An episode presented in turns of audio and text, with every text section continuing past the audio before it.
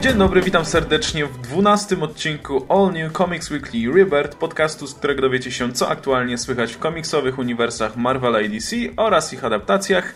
E, ze mną jak co tydzień jest Oskar Rogowski, komiksomaniak. Cześć! I Adam Antolski, Ankol Mruwa. Hej wszystkim! I tak się składa, że w tym tygodniu to Oscar wypuścił nowy film, więc tutaj poświęcimy chwilę czasu, żeby tutaj zareklamować. E, jest o tyle ciekawa sprawa, że jest to film poświęcony temu, kim jest Cable. A jak pewnie wiecie, albo może nie wiecie, wytłumaczenie genezy Cable'a to jest naprawdę karkołomne zadanie. Więc zasadniczo wyszło ci chyba 30 minut mówienia o samym Cable'u w młodości, a nawet nie doszedłeś do Cable'a jako Cable'a.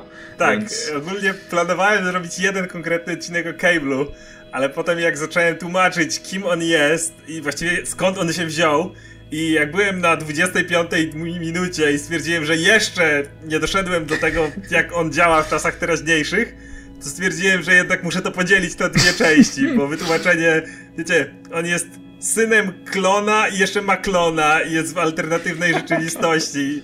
I to jest Komiksy w pigułce. Wiecie, to jest tak, że on jest on, jest, on pojawił się w 1990 i wydaje mi się, że to jest taki, taki znak, początek lat 90. tutaj. No ale w ogóle wiesz, to, to, to historia Cable'a to jest właśnie wszystko, co z najgorsze w komiksach lat 90. w pigułce po prostu. Tak, tak, absolutnie. Gdzie masz ja... te, te, wszystkie podróże w czasie, taką telenowelę. Wszyscy się klonują. No, wszyscy się klonują, wszyscy podróżują w czasie, każdy walczy z każdym i pojawiają się klony, które wyglądają tak samo. Ja mam no, w ogóle zdanie, że lata 90. dla twórców komiksów to są takie lata 70. dla całej reszty, wiecie. Wtedy, wtedy mieli, czerpali inspiracje w różnych miejscach, że tak powiem. okay. W różnych miejscach. Czerpali okay. inspiracje. W ramach, w ramach takiej krótkiej piłki w takim razie, jeśli już jesteśmy przy Cable'u, e, czy możesz polecić coś w takim razie z Cablem dla naszych słuchaczy? Coś w miarę łatwo dostępnego i, i w miarę dobrego. Cable and Deadpool. Najprostsze, bo teraz Deadpool jest popularny, a tam mają bardzo fajną chemię ze sobą, więc łatwo wejść, bo się lubi Deadpoola, a tak można poczytać jak szaleje z Cablem, no. To chyba byłoby najprostsze. I tam nie ma wyjątkowo dużo klonowania i skoków w czasie. czy, czy Cable pojawiał się w jakichś komiksach, które były wydawane po polsku? W TM Semiku było go nawet sporo. No, no tak, to o, tak. takie czasy. Okej, okay, ale ostatnio chyba go nie było, nie? Zdaje się, że, że e, jak już był, to gdzieś tam na uboczu z tym swoim X-Force, e, jak już je przejął Marvel Now, a potem pojawił się w zasadzie tylko w tym Uncanny Avengers, nie? I tak, jeszcze miał, tak... miał krótką tą serię z Deadpoolem, ale ona była marna. A tak to, to tak jak mówisz, był w... No i oczywiście po wcześniej to się zajmował Hope w sumie. A, no to w takim razie pewnie, pewnie jego popularność znowu podskoczy im bliżej kolejnego filmu. Um, dobra, tyle jeśli chodzi o ten film. To oczywiście będzie, materiał będzie podlinkowany w opisie, gdyby ktoś chciał sprawdzić. Natomiast przejdźmy sobie do naszych newsów i tak się składa, że e, znaczy tak się składa, dosyć logiczne, że nie mamy dużo newsów filmowych czy serialowych, no bo wszyscy czekają na Comic Con. Natomiast wypłynęły nam newsy komiksowe. I to takie dosyć ciekawe. Mianowicie zaczniemy może od Marvela, który już powoli, powoli e, i coraz szybciej w zasadzie zaczyna e, e, reklamować tę swoją nową inicjatywę Marvel Now. Nowe Marvel Now, nie te stare Marvel Now. I powoli pojawiają się informacje na temat serii nowych komiksowych, regularnych, które będą się pojawiać w ramach Marvel Now, czyli wyjdą prawdopodobnie gdzieś tam na jesieni. No i pomówmy o tej, która wywołała największe kontrowersje, czyli wyjdzie Iron Man 1 znowu. Hurra! E, tyle, że na okładce mamy co prawda Tonego Starka, ale Tony Stark jest tam sobie gdzieś w tle, natomiast, pierwsze, natomiast na pierwszym planie stoi Riri Williams, czyli ta młoda dziewczyna, 15-letnia zdaje się, która w ostatni, ostatnim story arku Invincible Iron Man sobie zbudowała zbroję z jakiegoś złomu i w zasadzie stała się nowym War Machine'em. Okazuje się, że na tym się jej kariera nie kończy, bo wszystko na razie wskazuje na to, że będzie zajmie miejsce Ironmana w nowym, w, no, w nowym, w nowym komiksie. E, no i oczywiście internet ma ból dupy, Aczkolwiek ma moim zdaniem ból dupy nie o to, co powinien Nie w tym miejscu, dokładnie. Tak, bo, bo naturalnie dyskusje dotyczą tego, że o nie, znowu czarnoskóra bohaterka przejmuje tutaj miejsce bohatera. Natomiast to moim zdaniem nie jest problem. To może już zacznę w takim razie tę dyskusję i, i za chwilę oddam wam głos. Natomiast, tak jak ja wielokrotnie mówiłem, ja jestem bardzo zwolennikiem tutaj oddawania pałeczki i, i ogólnie tych legacy heroes, czyli mamy bohatera, który istnieje sobie w komiksach, ma jakąś rolę, a potem wstępuje, po, po, znaczy przejmuje rolę na przykład swojego mentora, albo generalnie zajmuje jakieś inne miejsce w uniwersum. Um, no tak jak było z Falconem na przykład, albo nie wiem, teraz z Amadeusem Cho na przykład. Tak, lubię te, tego typu zmiany, lubię widzieć bohaterów w nowych rolach, lubię widzieć postacie, które, które lubiłem, które teraz są w zupełnie innej pozycji. E, I tak właśnie było choćby z samym Wilsonem. Natomiast tutaj mamy bohaterkę, która pojawiła się w zasadzie wczoraj. E, pojawiła się przedwczoraj, wczoraj, wczoraj stała się War Machine'em, a, a okazuje się, że jutro będzie już Iron Manem, mimo że nie mamy. No, będzie Iron Manem. Mówię oczywiście, to jest taki skrót myślowy, oczywiście, bo nie wiemy o czym będzie ten komiks. Natomiast e, to nam sugeruje póki co ta okładka i te zapowiedzi. Więc e, mamy w zasadzie Jesteśmy stawiani, stawiani przed taką pozycją, gdzie mamy polubić od razu bohaterkę, która zajmie dosyć ważną rolę, jakby nie patrzeć w uniwersum, mimo że nic o niej nie wiemy i nie mamy żadnego powodu, by nam miało na niej zależeć póki co. Więc ja nie jestem za bardzo zwolennikiem takiego wyjścia, bo to wolałbym, żeby ta postać sobie istniała w uniwersum i dorastała do tej roli stopniowo i nie miałem naprawdę nic przeciwko, żeby zajęła je gdzieś tam w przyszłości, gdy już zdążyłbym ją poznać i wiedzieć, dlaczego się na tego Ironmana nadaje. Oczywiście jest taka szansa, że będzie Iron, będzie świetnie sobie radzić, jako będzie ciekawą postacią i tak dalej. Natomiast tak z samego założenia jakoś nie jestem fanem tym bardziej, że chodzi tutaj o Ironmana. No, kiedy, kiedy mowa o takich bardzo właśnie ikonicznych bohaterach, to wolałbym, żeby jednak to przekazywanie pałeczki się odbywało w mniej gwałtowny sposób. Nie, miał, nie na pewno nie, nie, ten, nie rozdzierałbym szat nad zmianą Rodiego czy kogoś, czy War, po prostu War Machina, ale w przypadku Ironmana już jednak mi się to nie do końca podoba. Plus jest jeszcze ten problem, że ile ta seria z Iron Manem trwała? 13 zeszytów będzie miała, zdaje się. No, tak, w tej chwili mamy 11. Mini praktycznie. W tej chwili mamy Ostatnio 11. pamiętam no właśnie, ostatnio ludzie się śmiali, że w serii Marvela nie dochodzą do 30 zeszytu. No to okazuje się, że teraz już nawet nie dochodzą do 20 zeszytu. Tak. Podejrzewam, że niedługo będą się kończyć po jednym story arku i będziemy mieli relaunch z, tymi samą, z tą samą ekipą, bo to nową serię też będzie pisał Brian Michael Bendis i będziemy dostawać jedynkę, tylko po to, żeby wypuścić jedynkę. Oczywiście może to ma sens z racji tego, że raz, że no, to jest tak jakby nowa historia, dwa, że być może będziemy się tutaj skupiać na zupełnie nowej bohaterce i tylko na niej, choć mi się wydaje, że jednak tam Tony Stark i tak będzie w tej serii istotny. Ale i tak z punktu widzenia kogoś, kto czytał na przykład poprzednią serię i mi się podobała, przynajmniej na początku, no to dostawać teraz znowu nową to jest strasznie mylące i no, no, to już jest po prostu przesyt tych, tych jedynek. No dobra, tyle mojego rantu i, i mojej opinii na temat tej całej zmiany. Tak jak mówiłem, sama Riri Williams mi nie przeszkadza jako taka. Fajnie wygląda zresztą, podoba mi się to afro. Ale właśnie cała ta otoczka i sposób te, te, tego wypchnięcia jej na tą pozycję mi, mi zupełnie do gustu nie przypadł. Ja mam kilka problemów z Riri, o kilku powiem w późniejszym temacie. E, natomiast jeśli chodzi o to, to tak jak mówisz, jedynki to jest, to, to, to jest bardzo dziwne. DC teraz wyrzuciło podwójne jedynki w Rebirth, to Marvel mówi, dobra, to teraz my jedynkami. I za chwilę DC zrobi swoje jedynki. I ja, tak jak, jak mówiłeś, jestem zwolennikiem tego, kiedy coś się faktycznie zmienia. Tu możliwe, że się zmienia, ale wtedy problem jest taki, że taki, ta zmiana powinna być później, bo ten run był króciutki, tak jak mówiłeś też przy ostatnim mm, e, tainach do e, Civil War, kiedy miałeś Carol Danvers, która przejęła stację kosmiczną, tą, którą kiedyś było Sword, i teraz robi zupełnie coś innego, bo ten story arc jest taki króciutki, że właściwie nie da się o tym nic powiedzieć, czy to było fajne, jak ona sobie tym rządziła, czy nie, bo nie wiadomo, czy będzie dalej to prowadziła. Story arki robiły się za krótkie, serie robiły się zdecydowanie za krótkie. Wypuszczanie jedynek tak często, chociaż do tej pory broniłem zwykle jedynek, ale wypuszczanie ich tak często jest problematyczne. Jeśli chodzi o samą Riri, to absolutnie zgadzam się z tym, że wrzucanie bohaterki, o której nic nie wiemy, która po prostu pojawiła się znikąd, jako o, teraz ona będzie Iron Manem, jest bez sensu i szczerze mówiąc to właściwie nigdy nie działało. Kamala Khan jest w tej chwili jedyną postacią, która mi przychodzi do głowy, której sprzedaż poszła, wiesz, tak pojawiła się znikąd i przejęła jakiś znany pseudonim. Bo Amadeus Cho czy Sam Wilson to są goście, którzy istnieli od dawna. Amadeus był fanboyem Hulka właściwie jak się pojawił. Dawno temu.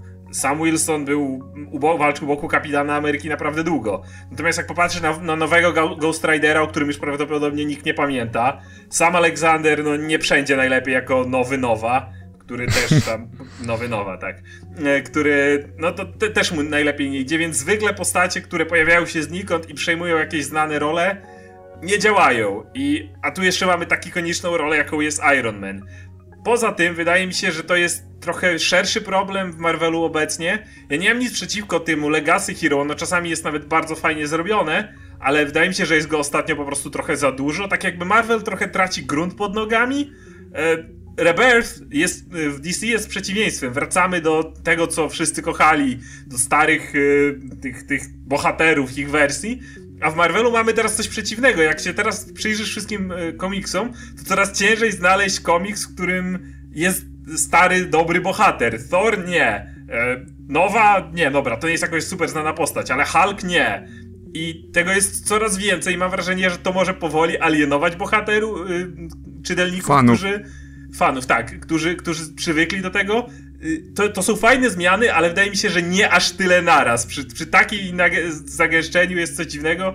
Chyba, że Marvel stwierdził, ej, DC robi Rebirth, to się sprzeda. Nawalmy teraz tak dużo Legacy Hero, żeby za rok zrobić Marvel The Return, czy coś takiego, i wiecie. I nagle Thor wraca, Iron Man wraca, Banner wraca jako Hulk, Richard Rider wraca. Bankowo tak to jest, zrobią. to jest temat, który ja chciałem poruszyć, że być może internet teraz troszeczkę panikuje, te zmiany nie muszą być trwałe i w przypadku Ironmana mi śmierdzi czymś bardzo tymczasowym.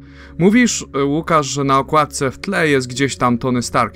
Jest wielki, gigantyczny, świecący Tony Stark za nią, który jest od niej większy, a stoi za nią, więc musi być, No wiesz, wiesz, to może być monstrualny. symbolika. Nie, nie, ale już był To może dokładny być symbolika, ale to wiesz, nie wiem czy pamiętasz jak był Superior Spider-Man i wiesz, i Marvel wtedy ostro mówił tak, tak, Doc Ock zostaje na zawsze i tak będzie. Ale czekajcie, I, bo jest dokładny opis tego komiksu. Jest wyraźnie napisane, że Tony Stark po wydarzeniach z Civil War 2 zrezygnuje z bycia Iron Manem, ale przygarnie Riri Williams, o której się dowie i uzna, że ona prawdopodobnie jest od niego inteligentniejsza. Jest młodsza, ma mniej doświadczenia, mniej, mniejszą wiedzę, ale uzna, że ona może być lepszym Iron Manem od niego. I z opisu komiksu wynika, że on będzie kimś w rodzaju. Mm, nie wiem. Q, e, czy kogoś takiego, wiecie, gościa, który siedzi, robi jej gadżety, uczy ją, jakby trenuje ją do tego, żeby ona był, przejęła jego miejsce, bo uważa, że ona będzie lepszym Iron Manem w przyszłości od niego, on będzie ją finansował i tak dalej, więc będzie stałym elementem w tym komiksie, ale to ona będzie latała w zbroi. Taki jest opis dokładnie. Dlatego no, nawet Bendis powiedział w tym momencie, że Tony Stark na nią patrzy i nie może się powstrzymać przed myślą, że o, fajnie by było ją wykupić. Na zasadzie takiej, wiesz, korporacyjnej, żeby mieć pod, pod swoją egidą, a nie żeby wyrosła sama sobie wbrew jego kontroli. E, I to jest w porządku, ale ja ponownie nie widzę tego jako trwałą zmianę. Już wydaje mi się, że e, Thor jest za długo w tej samej, w tej jednej roli. Cały czas, no, Odinson teraz będzie prawdopodobnie w jakiejś formie wracać. Ale zwyczajnie, tak jak mówiłeś, e, w przypadku sama Wilsona, czy w przypadku, nie wiem, Dicka Graysona, który był Batmanem przez jakiś czas, mamy do czynienia z bohaterami, którzy funkcjonowali w historii komiksu bardzo, bardzo długo i dorastali do tej roli, jak gdyby zasłu- możesz powiedzieć, że zasługują na nie. W tym przypadku ja nie jestem, ja nie czytam Marvela na bieżąco. Ja nie mam pojęcia, kim ta postać w ogóle jest. Ciężko, żebyś wiedział, skoro było o nim. No, no tak jak mówię, ona się pojawiła w zasadzie ile? Dwa miesiące temu? Ale, po, ale dosłownie jest. na paru panelach i tyle, i sobie poleciała. To, o czym mówisz też, jeszcze będziemy dzisiaj mówić pewnie dwa słowa o nowym Hulku, ale właśnie dzięki temu, o czym mówisz, czyli o tym, że te postacie są, ich relacja z ich poprzednikami, jeżeli żyją, jest też bardzo, jest dużo bardziej wiarygodna i na przykład teraz jest świetnie pisana relacja pomiędzy Amadeusem Cho a Bruce'em Bannerem, ponieważ oni mieli ze sobą już historię i teraz to, to przekazywanie pałeczki jest takie organiczne, jest takie płynne, to się fajnie czyta. Kiedy postać pojawia się znikąd, to tego bardzo brakuje. Ale z drugiej strony, no ponownie jest ten problem, że nie znamy całej opowieści, że to równie dobrze może być przejściowe, może się okazać, że ona jednak nie chce być Iron Manem, chce być sama sobie, chce być swoją własną postacią i się odłączy i Tony Stark będzie musiał ruszyć dupę i włożyć ten strój z powrotem.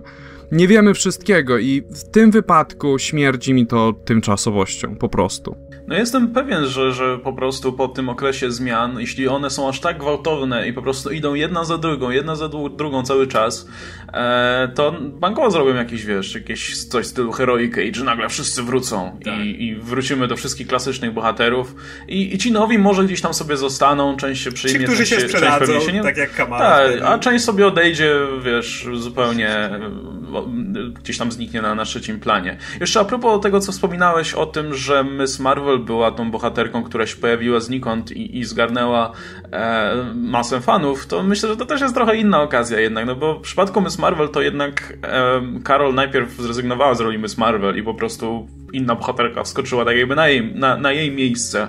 E, w przypadku Ghost Ridera, no to Ghost Rider nie był w ogóle specjalnie obecny w uniwersum, zdaje się, wówczas kiedy Robbie, się, Robbie Reyes się pojawił. Przy okazji, przy okazji nowy, no to tak samo, no nie było Richarda Raidera, więc się pojawił sam. Natomiast tutaj ogłaszają, wiesz, że, że pojawi się, oczywiście chronologicznie w komiksach to też będzie pewnie wyglądało tak, że Tony Stark odejdzie i pojawi się ona na, na jego miejsce, no ale ogłaszają już, że będzie nowy Iron Man z Riri Williams w głównej roli jeszcze jak, jak ten komiks wychodzi, więc to, to trochę inna sytuacja. Tutaj już się spycha bohatera jednego na, na dalszy plan, żeby zrobić miejsce na, na nową bohaterkę. No i tak jak mówię, no może być super ciekawa i w ogóle ten koncept z Tonym Starkiem, który tam jakoś z tylnego siedzenia działa, e, albo po prostu jest jakimś mentorem czy coś, jest ciekawy, no ale jak, po co było to tłumaczenie wcześniej przed All New Old Marvel, że wokół Tonego Starka będzie budowane uniwersum, że on będzie miał tutaj tę centralną rolę e, i po co było ogłaszanie tej serii Invincible Iron Man, która będzie taka ważna i że tutaj naj, najlepszy team twórców w ogóle będzie na nią pracował, kiedy praktycznie 13 zeszytów później, okej, okay, to, to idzie do kosza, robimy, robimy coś zupełnie od nowa. Więc to, to, to też nie do końca mi się mi tutaj odpowiada. Okej, okay, rozumiem. Nie, razie, bo że... zgadzam się kompletnie, nic bym więcej nie okay. mógł dodać. Tak. Także no, my, myślę, że, że tu, w, tym, w tych rejonach bym upatrywał prawdziwego bólu dupy, jaki tu powinien się pojawić, a, a, nie, a nie w postaci tego, że po prostu... poprawność! Tak, że tam czarnoskóra bohaterka. Naprawdę to było fajne. Myślę, że ta, posta... myślę, że ta postać generalnie ma potencjał, bo, bo na tyle, ile ją widzieliśmy, no to ciężko cokolwiek o niej powiedzieć. Ale, ale postać po prostu młodej dziewczyny, która jest genialna i buduje sobie zbroję tak jak Tony Stark swojego czasu i tak dalej, no jest, to jest, jest na czym budować, tylko że właśnie postawili to wszystko na skróty po prostu. No, więc... Wolę, kiedy to jest jednak tak, jak robią to zwykle w Batmanie. Jakby właśnie tak jak mówił Adam wcześniej, Dick Grayson jakby zasłużył na to, bo wiele lat walczył u boku Batmana. Wolę, żeby Riri wprowadzili na jakiś czas, żebyśmy ją poznali, żebyśmy ją polubili i dopiero później zrobili to przejście. To jednak jest dla mnie du dużo lepsze. Mogli po prostu ją albo wrzucić wcześniej, albo wrzucić teraz i trochę z tym poczekać. Myślę, że nie twierdzę, że ta historia i tak się nie przyjmie, i tak nie polubimy Riri, ale w tej chwili po prostu e, nie czuję się z tym, że tak powiem, naj, naj, najbardziej komfortowo. Nie interesuje mnie ta historia tak bardzo, jakby mogła. Ale też zgodzę się z tym, co mówisz, że Marvel zdecydowanie przesadza trochę z, tym, z tymi zmianami. W sensie ja, ja zawsze byłem nimi, ja zawsze byłem dużym zwolennikiem, e, ale faktycznie brakuje jakiegoś punktu zaczepienia.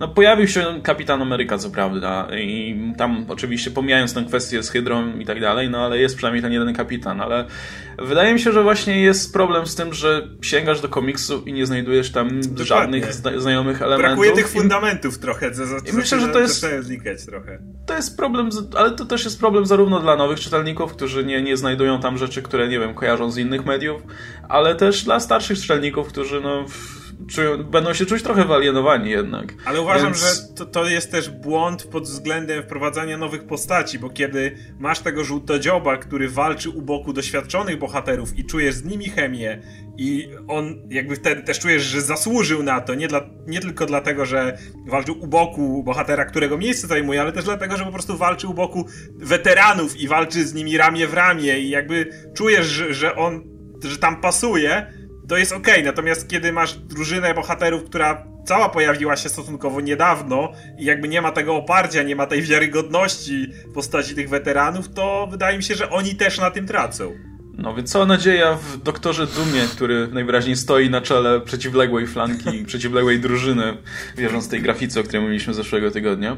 E, no i dobra, przejdźmy sobie w takim razie jeszcze do, do tych pozostałych tytułów. I o nich myślę nie będziemy jakoś długo mówić, ale warto sobie powiedzieć, bo to są dość ciekawe pozycje i, i no, różnią się od, przynajmniej mocno od tego, co od, od tych serii, które mamy obecnie.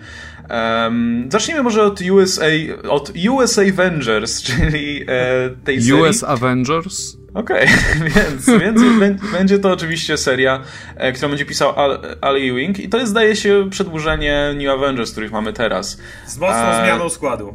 No, z mocno, no, nie aż taką mocną, powiedzmy, bo Mocno. część postaci tutaj dostajemy w spadku. Jest dalej Sunspot, wraca Cannonball, który tam był wcześniej w mm, Avengersach Hickmana.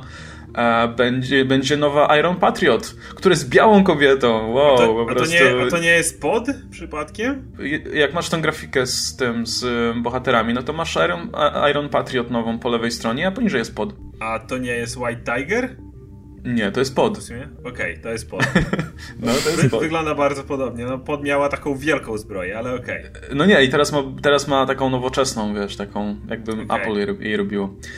E, no, w każdym razie mamy, e, mamy Iron Patriot nową, która zdaje się już pojawiała się w New Avengers też w cywilu. E, no jest pod właśnie, no jest Squirrel Girl oczywiście. Ona jest chyba teraz we wszystkich drużynach, jakie istnieją, Squirrel więc, Girl więc nie jestem specjalnie nie jestem specjalnie zdziwiony. Wiesz, to jest taki znak, jak wrzuca Squirrel Girl do drużyny, to wiesz, to, to jest taki sygnał do klientów, ej, to będzie komediowa seria. Ona jest trochę więc... drugim Deadpoolem teraz, bo Deadpool no, się tak. mniej komediowy, więc teraz trzeba znaleźć in, inną ikonę taką, więc... No i jest Kapitan Ameryka, Daniel Cage, tak? Dobrze mówię, nie pomyliłem się.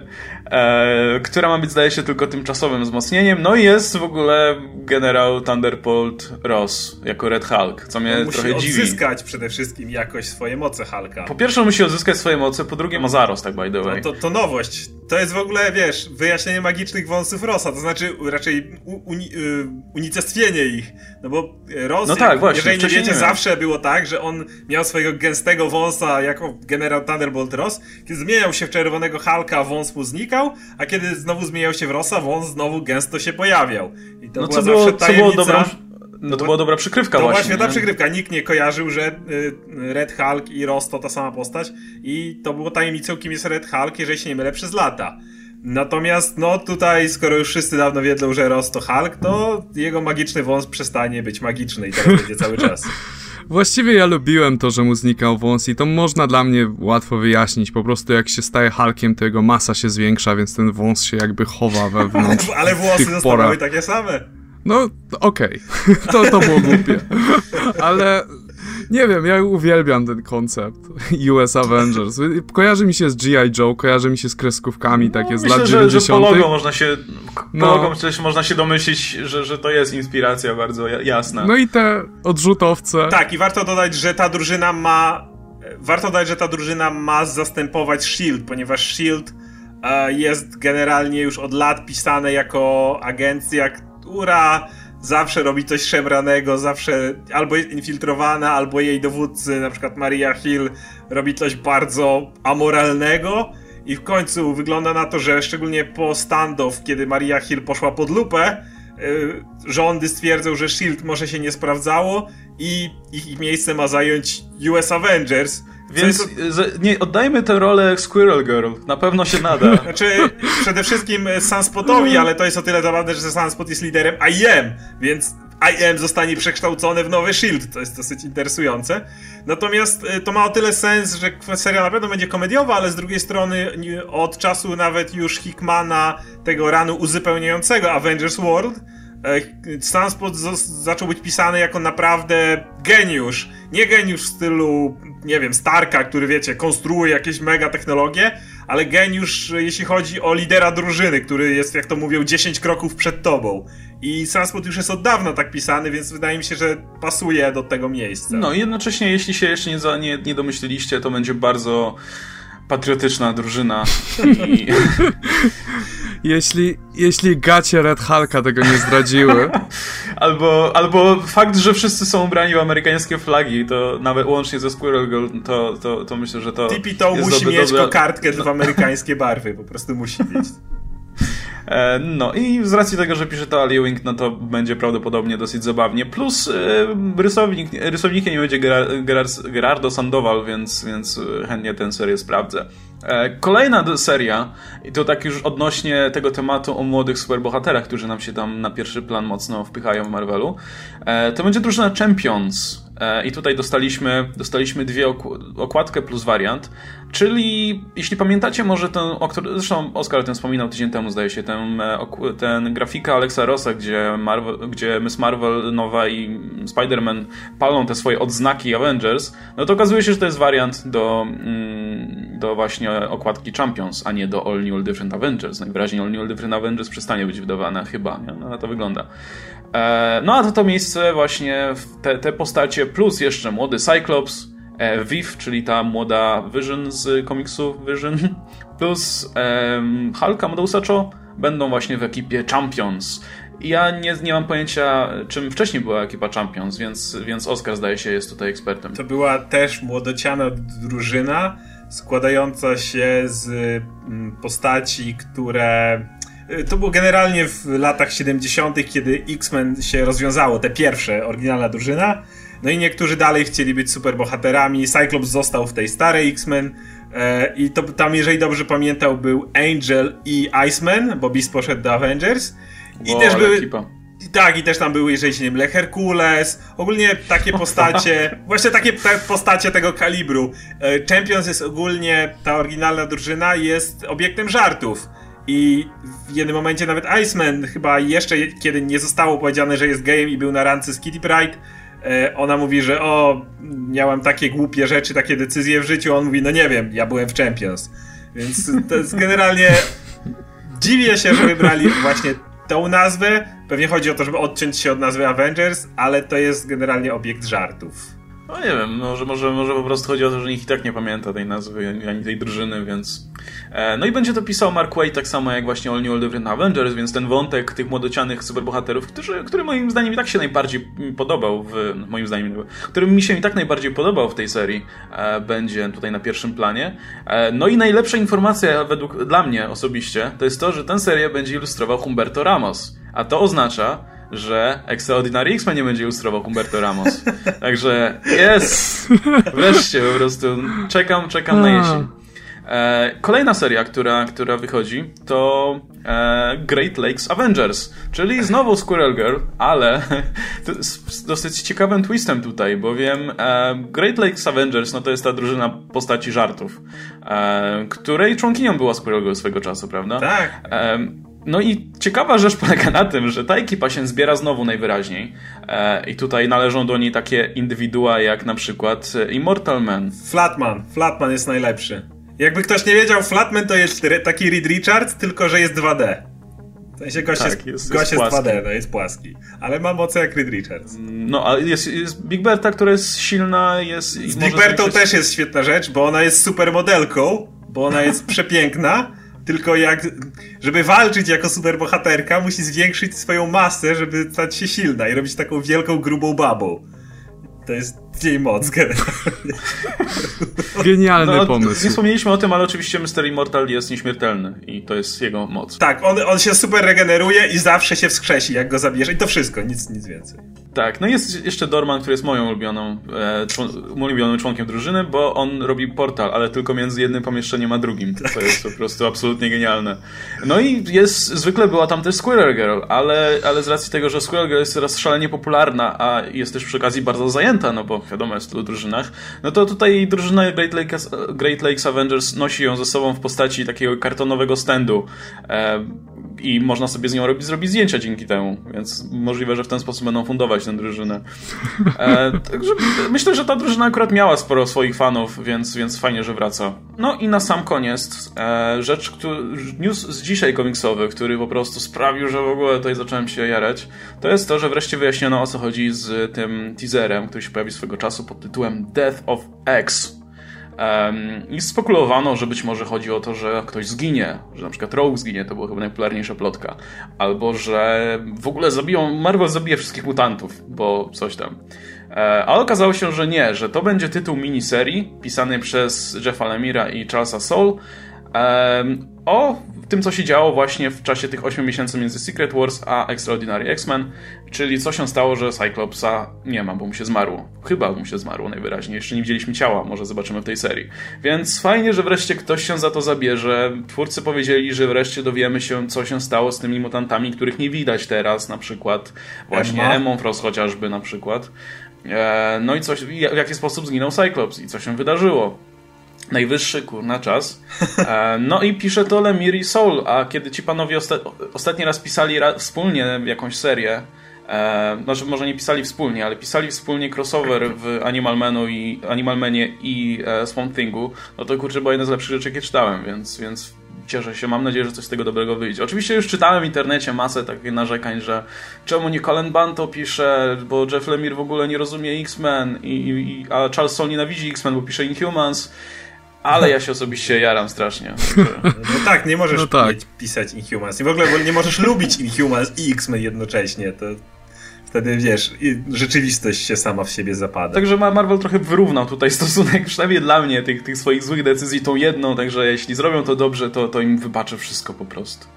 E, a jeśli już mówimy o Marvelu, to musimy wspomnieć jeszcze o tym, że e, o tym, co się dzieje na rynku polskim, bo pojawił się dosyć ciekawy news, mianowicie taki, że wydawnictwo Hatchet, które wydaje tę wielką kolekcję komiksów Marvela, e, opublikowało tomy od 1000, od 1000, tomy od 121 do 140 i 145 brytyjskiej edycji wielkiej, komiksu, wielkiej kolekcji komiksów Marvela, które, które składają się tylko i wyłącznie z pozycji z Marvel Now.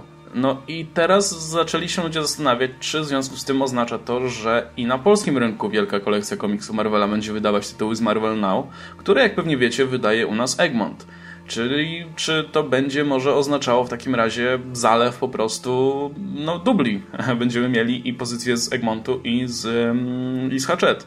E, są tutaj pozycje takie, które jeszcze w Polsce nie wyszły, takie jak Silver Surfer na przykład, albo All New Ghost Rider.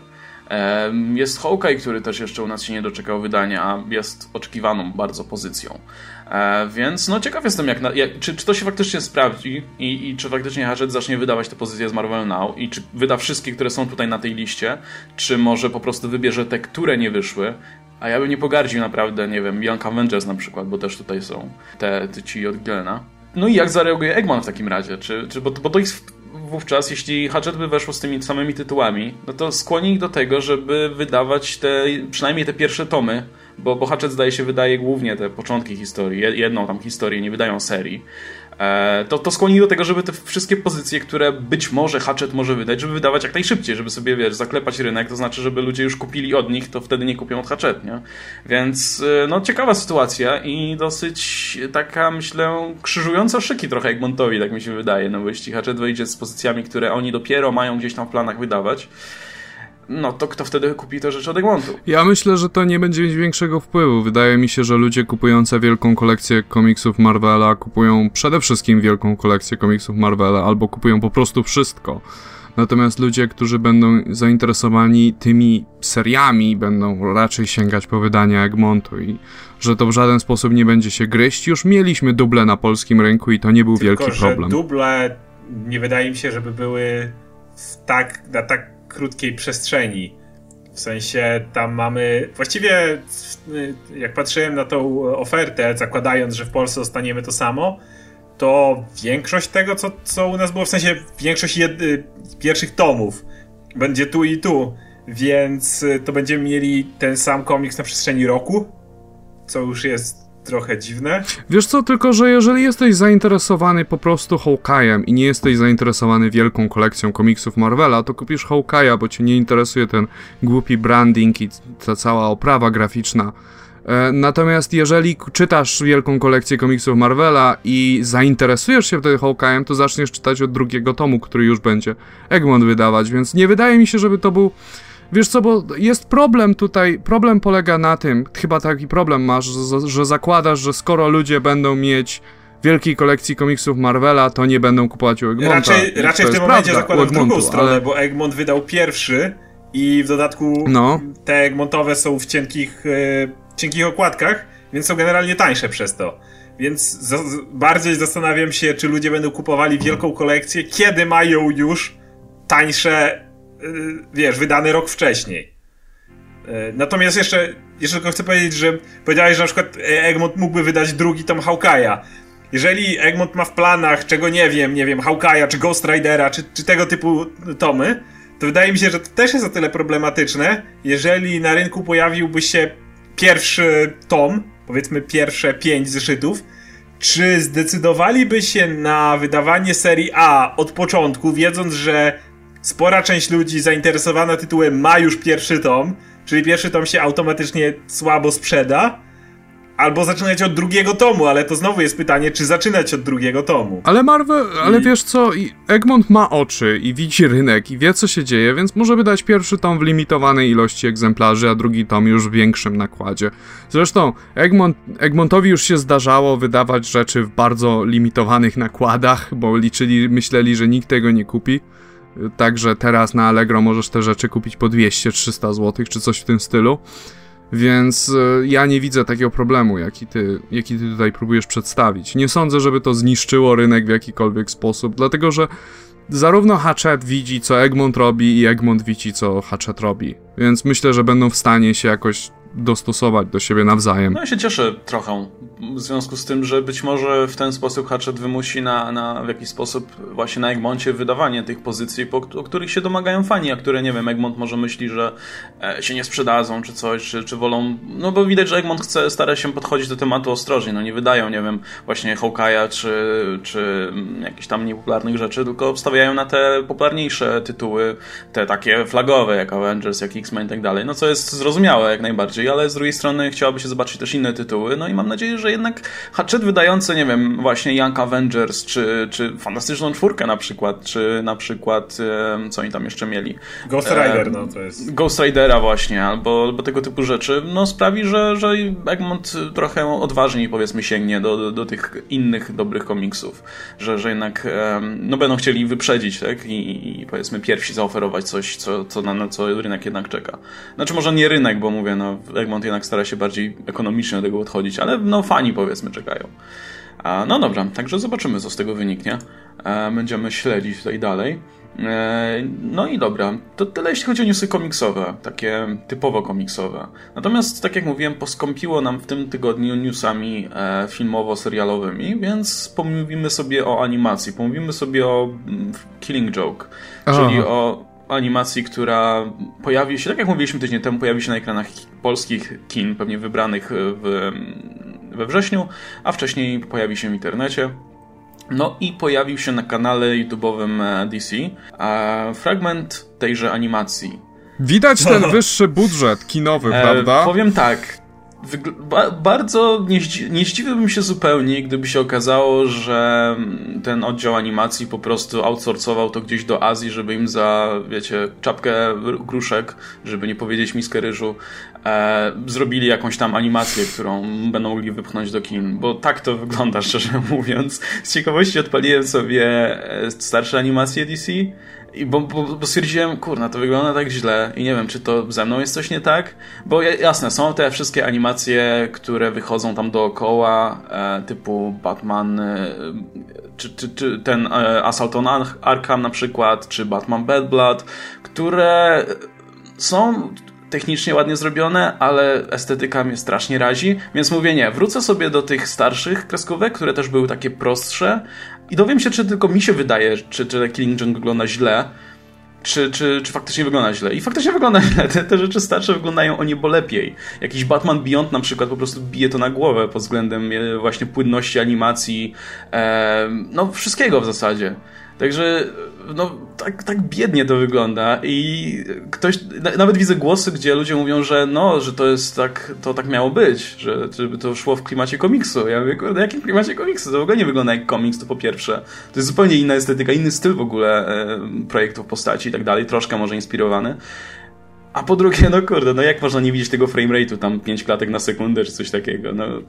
Jak wam się podobało, chłopaki? Wiesz co, ja bym się nie zdziwił y, co do tego out, outresourcowania, o którym mówiłeś, dlatego, że DC zawsze no to tak widać, robiło. że tak to, to robiło jeszcze w czasach Batman The Animated Series. A ostatnio właśnie widać jeszcze bardziej, bo te wszystkie, wszystkie ich animacje są takie właśnie trochę na jedno kopyto robione. Ale w, nawet The Animated Series to robili, było chyba 4 czy 5 studiów, tak się odmienia? Studio z Japonii, które się zajmowały właśnie wszystkimi klatkami pośrednimi w Animated Series. E, jest taki problem, że w Azji mają lekki kryzys gospodarczy i całego rynku animacji. Możesz zobaczyć po nowych tytułach anime, że większość ma ilość klatek mniej więcej 5 albo 3 albo 2. No, no słyszałem, słyszałem o narzekaniach na Dragon Ball tak. chociażby, więc, więc, I to po prostu się z tym wiąże. Jak bierzesz, jak outresourcujesz teraz do na Azji, to w Azji jest w tej chwili taki lek, lekka bieda z tym. I... No, widać szczególnie jeśli chodzi o klatki, ale miałam problem też na przykład z tym, jaką obrano kolorystykę, bo to w żaden sposób mi nie przypomina oryginalnego Killing Joke. E, nie podoba mi się też sposób, w jaki są linie poprowadzone. Jakby wygląda to strasznie, nie wiem jak to określić, tak, flashowo. Tak, to jest, jak gdyby nie jest to. Właśnie wyglada jak taka animacja na flashu. Właśnie jak taka animacja we flashu. I, I to wygląda strasznie jakoś, nie wiem, źle, nieodpowiednio. Był taki, e, wiesz, e, fanowski filmik Killing Joke Redrawn, tak, tak. czy coś takiego, który, który jakiś jeden ziomek zrobił sobie po prostu w wolnym czasie i wziął ten trailer i go przerysował na nowo, żeby bardziej pasowało do stylu oryginalnego Killing Joke'a, do tego, też do tego oryginalnego coloringu, nie tego, który chcieli autorzy. Brian Boland pierwotnie nie miał wpływu na coloring, e, ale to wyglądało tak dużo lepiej, że to nie jest nawet śmieszne. I no, to jest smutne, kiedy twój wielki trailer, czy twój wielki fragment wygląda amatorsko w porównaniu do amatorskiego trailera. Ja kojarzę z animacji, które były bezpośrednio albo bardzo wiernymi e, do, do komiksu, czyli na przykład e, na podstawie Franka Millera był ten e, The Dark Knight Returns, i tam e, zarówno animacja, jak i mhm. faktycznie styl i wygląd tych postaci był odwzorowany do tego, co było w komiksie. Oczywiście mm, w ramach animacji cały czas wyglądało to naprawdę dobrze. Ja akurat w miarę lubię estetykę nowych, nowych filmów DC. Treść raz tak, raz nie. Więc mi to nie przeszkadza, ale też ta animacja jest, tak jak powiedziałeś, technicznie wykonana dobrze, więc jak ostatnio przywykłem do takiego animowanego DC. Więc jak w kontraście dostaję to flaszówkę, to, to wygląda naprawdę biednie.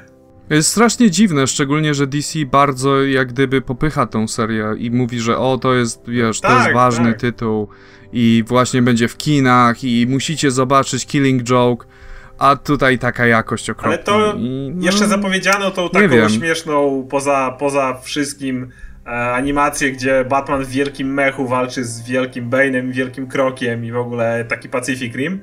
Ale to też wygląda biednie, szczerze mówiąc, jeśli chodzi o animację. Też, też wygląda biednie i też, też wygląda no. jak tak tanie anime bardzo. Dokładnie, więc co się dzieje?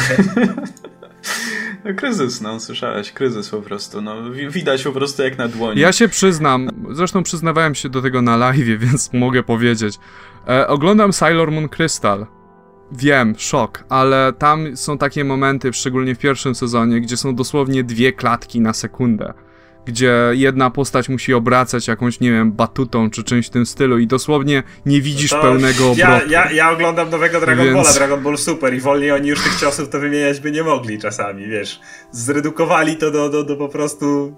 Y, o tyle, co to było zawsze charakterystyczne w Dragon Ballu, to teraz jeszcze więcej stoją i rozmawiają przed walką, bo wtedy masz, wiesz, nieruchomą postać, której się tam usta okazyjnie ruszają. Więc widać, to widać we wszystkim po prostu teraz. Masakra. No wiesz, ale to jeszcze przy okazji serialu to możesz jakoś uzasadnić, że no, wiesz, produkcja kosztuje i to na szybko trzeba musi być zrobione. No, ale tutaj jednak mówimy o filmie, który jest dość ważny, jest promowany i trafia do kin i w ogóle, więc tym bardziej jest to, jest to szokujące, że tak to wygląda. Um, no i raczej już nie ma czasu, żeby to poprawiać, więc... Nie. No, dostaniemy takie coś. Także powiem szczerze, jestem teraz ciekaw, jak będzie reszta wyglądała. I... Więc jeśli to był ten fragment, którym chcą się pochwalić, to ciekawe, jak wygląda reszta właśnie. No chyba, że ktoś faktycznie spieprzył i po prostu wysłał jakiś Wys... footage beta zamiast właściwego, czy coś zda, takiego. To, no, to też się zdarza ale, okazjonalnie. Ale rzadziej. Jednak częściej wyrzuca się to, co chce się naprawdę ludziom pokazać, więc niewielkie szanse. No niestety, ja tym bardziej właśnie jestem ciekaw, jak, jak to będzie wyglądało.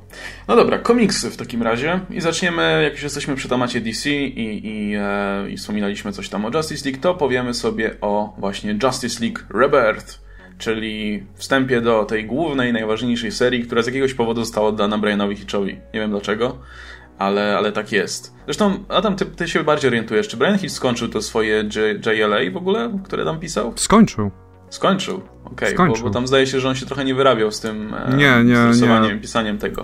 No dobra, on się nigdy skończy... nie wyrabia z niczym. więc, no a tutaj będzie musiał pisać, oddawać scenariusz co, co dwa tygodnie, więc zobaczymy jak to wyjdzie. No dobra, w każdym razie mamy ten zeszyt, um, który ma nas tutaj wprowadzić w nową Ligę Sprawiedliwości, która jest mniej więcej tak jak stara liga, tylko że nie mamy Green Lanterna, mamy dwóch teraz Green Lanternów tych, których lubimy najbardziej, czyli Jessica Cruz i um, Simona Baza. Simona Baza, e, którzy tutaj dalej pełnią rolę żółtodziobów. E, ale zostają poklepani po plecach na koniec, że są jednak spoko, więc, więc, więc fajnie. No poza tym mamy starą ekipę, mamy Cyborga, Flasha, Aquamana, Wonder Woman, e, Batmana, no i mamy nowego Supermana. I generalnie cały zeszyt dotyczy właśnie tego, jak Superman się próbuje wpasować w Justice League. Teoretycznie, bo w praktyce wygląda tak, że przylatuje, a wszyscy są spoko. E, bo to się zaczyna tak, że oni tak myślą o tym Supermanie, że znaczy w ogóle walczą z jakimś robakiem, nie? W tak. wielkości kurczę miasta. Domyślnie Aquaman go rozumie. Bo jest, bo jest wielkim. Znaczy, znaczy, nie tyle go rozumie, co słyszy jego myśli i po prostu to rozsadza jego mózg człowieku, bo to jest takie, kurde, nienawiść i złość. Ja! Ale to było okropne. Wiesz, ze wszystkich rzeczy, które Brian Hitch mógł wymyślić na otwarcie pierwszego komiksu, to wymyślił wielkiego robaka, który wypuszcza jakieś małe larwy w stylu, nie wiem, Starship Troopers albo Pacific Rim. E, no Starro. i nasza... No, no i nasza, a i oczywiście one też są takimi headcrabami, które się osadzają. No tak, tak jak mówiłeś. więc, no. um, więc mamy też, no mamy tę ligę, która radzi sobie po śmierci Supermana i oni tam mają ból dupy, że Superman zginął i że nowemu Supermanowi do końca nie ufają. E, no więc walczą z tym robakiem, ale nie mogą go pokonać, więc wlatują do środka. No i pojawia się Superman i rozwala tego, tego potworka i jest koniec. I wszyscy stoją i, i, i a wcześniej jeszcze stoją wszyscy w jednym rządku i mówią, że hej, jesteśmy Justice League. Jesteśmy I... tak heroik, że a. Teraz dajmy heroiczną pozę. tak, jesteśmy, jesteśmy tak heroik, że łeb rozsadza. No, no. I, i spierdalaj robaku, no i on tak. odlatuje sobie. Mimo, że jest powiedziane, że tylko go lekko uszkodzili i nic mu się w sumie nie, nie stało. No ale odlatuje, żeby komiks mógł się skończyć. I następnym razem, jak przylecą inni, to zobaczę, jak oni stoją w tej heroicznej pozie i stwierdzą, no, no. No, na pewno, no, więc e, powiem tak bardzo delikatnie, że no dosyć rozczarowujący zeszyt. Dosyć, Sao dosyć Paulo. Ten komiks był tak głupi. Jest ten taki moment, kiedy ten stary Superman siedzi sobie w kuchni z żoną i tak y, Lois Lane do niego mówi hej, nie powinieneś coś zrobić? Jesteś Supermanem, prawda? Nie. On tak, nie! Może innym razem. Wo wolę tutaj siedzieć, poradzą sobie, ale wiesz, co z tego, że umrą tysiące ludzi? Mam kawę świeżą. Jestem ciekaw, czy to, czy to nie wynika z tego, że, że może Hitch się znowu spóźnił z tym komiksem?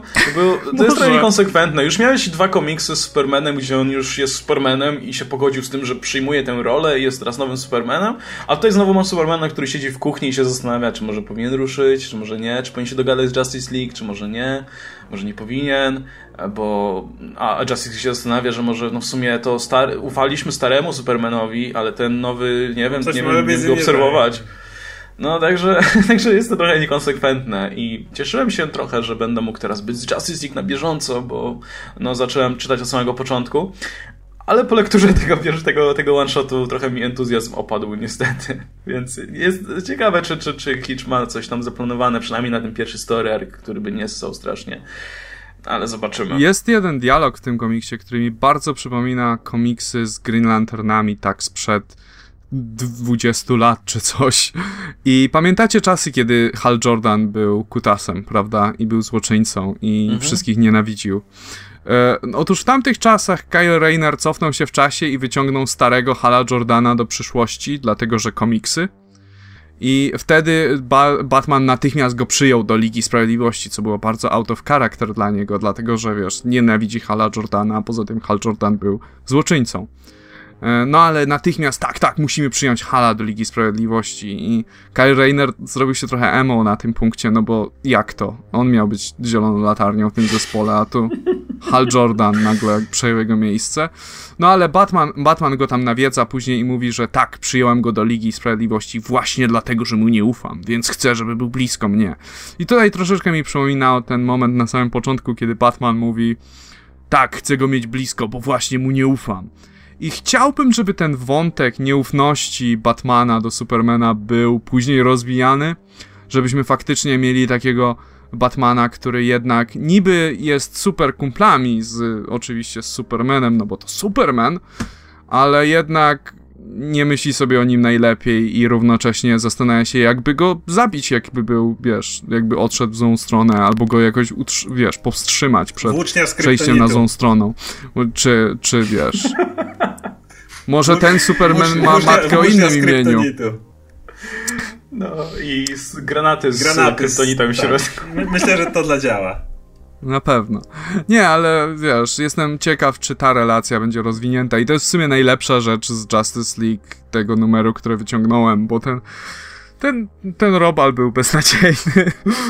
w ogóle relacje pomiędzy tymi Jak to czytałem, członkami to było ligi takie... to było. We're so heroic i każda ich wymiana zdań, ale jesteśmy herosami, no, jesteśmy herosami, ale jesteśmy heroiczni, ej, poróbmy Dialogi coś tak heroicznego. Tak jest, jest, jest ten okropny dialog, który Wonder Woman rzuca, że o nie, tutaj y, moja broń nie działa, normalnie może niszczyć góry, ale nie działa ten pancerz. No, no kurde, no come on, no, to jest tak, tak, tak, tak po prostu oklepana kwestia i w ogóle te dialogi są takie... Wszyscy Ale myślę, że pójdą, tak. myślę, że na pewno pójdą w kierunku tej relacji Batmana i Supermana, tyle, że znając Briana Hitcha to będzie tak pisane jak mu wygodnie, no, jak, jak akurat fabula będzie, będzie wygodniej, żeby się lubili, no to się będą lubić, a jak się, jak się mają kłócić, bo nie będzie nic innego do pisania, no to będą się kłócić, no i tak, tak to wyjdzie.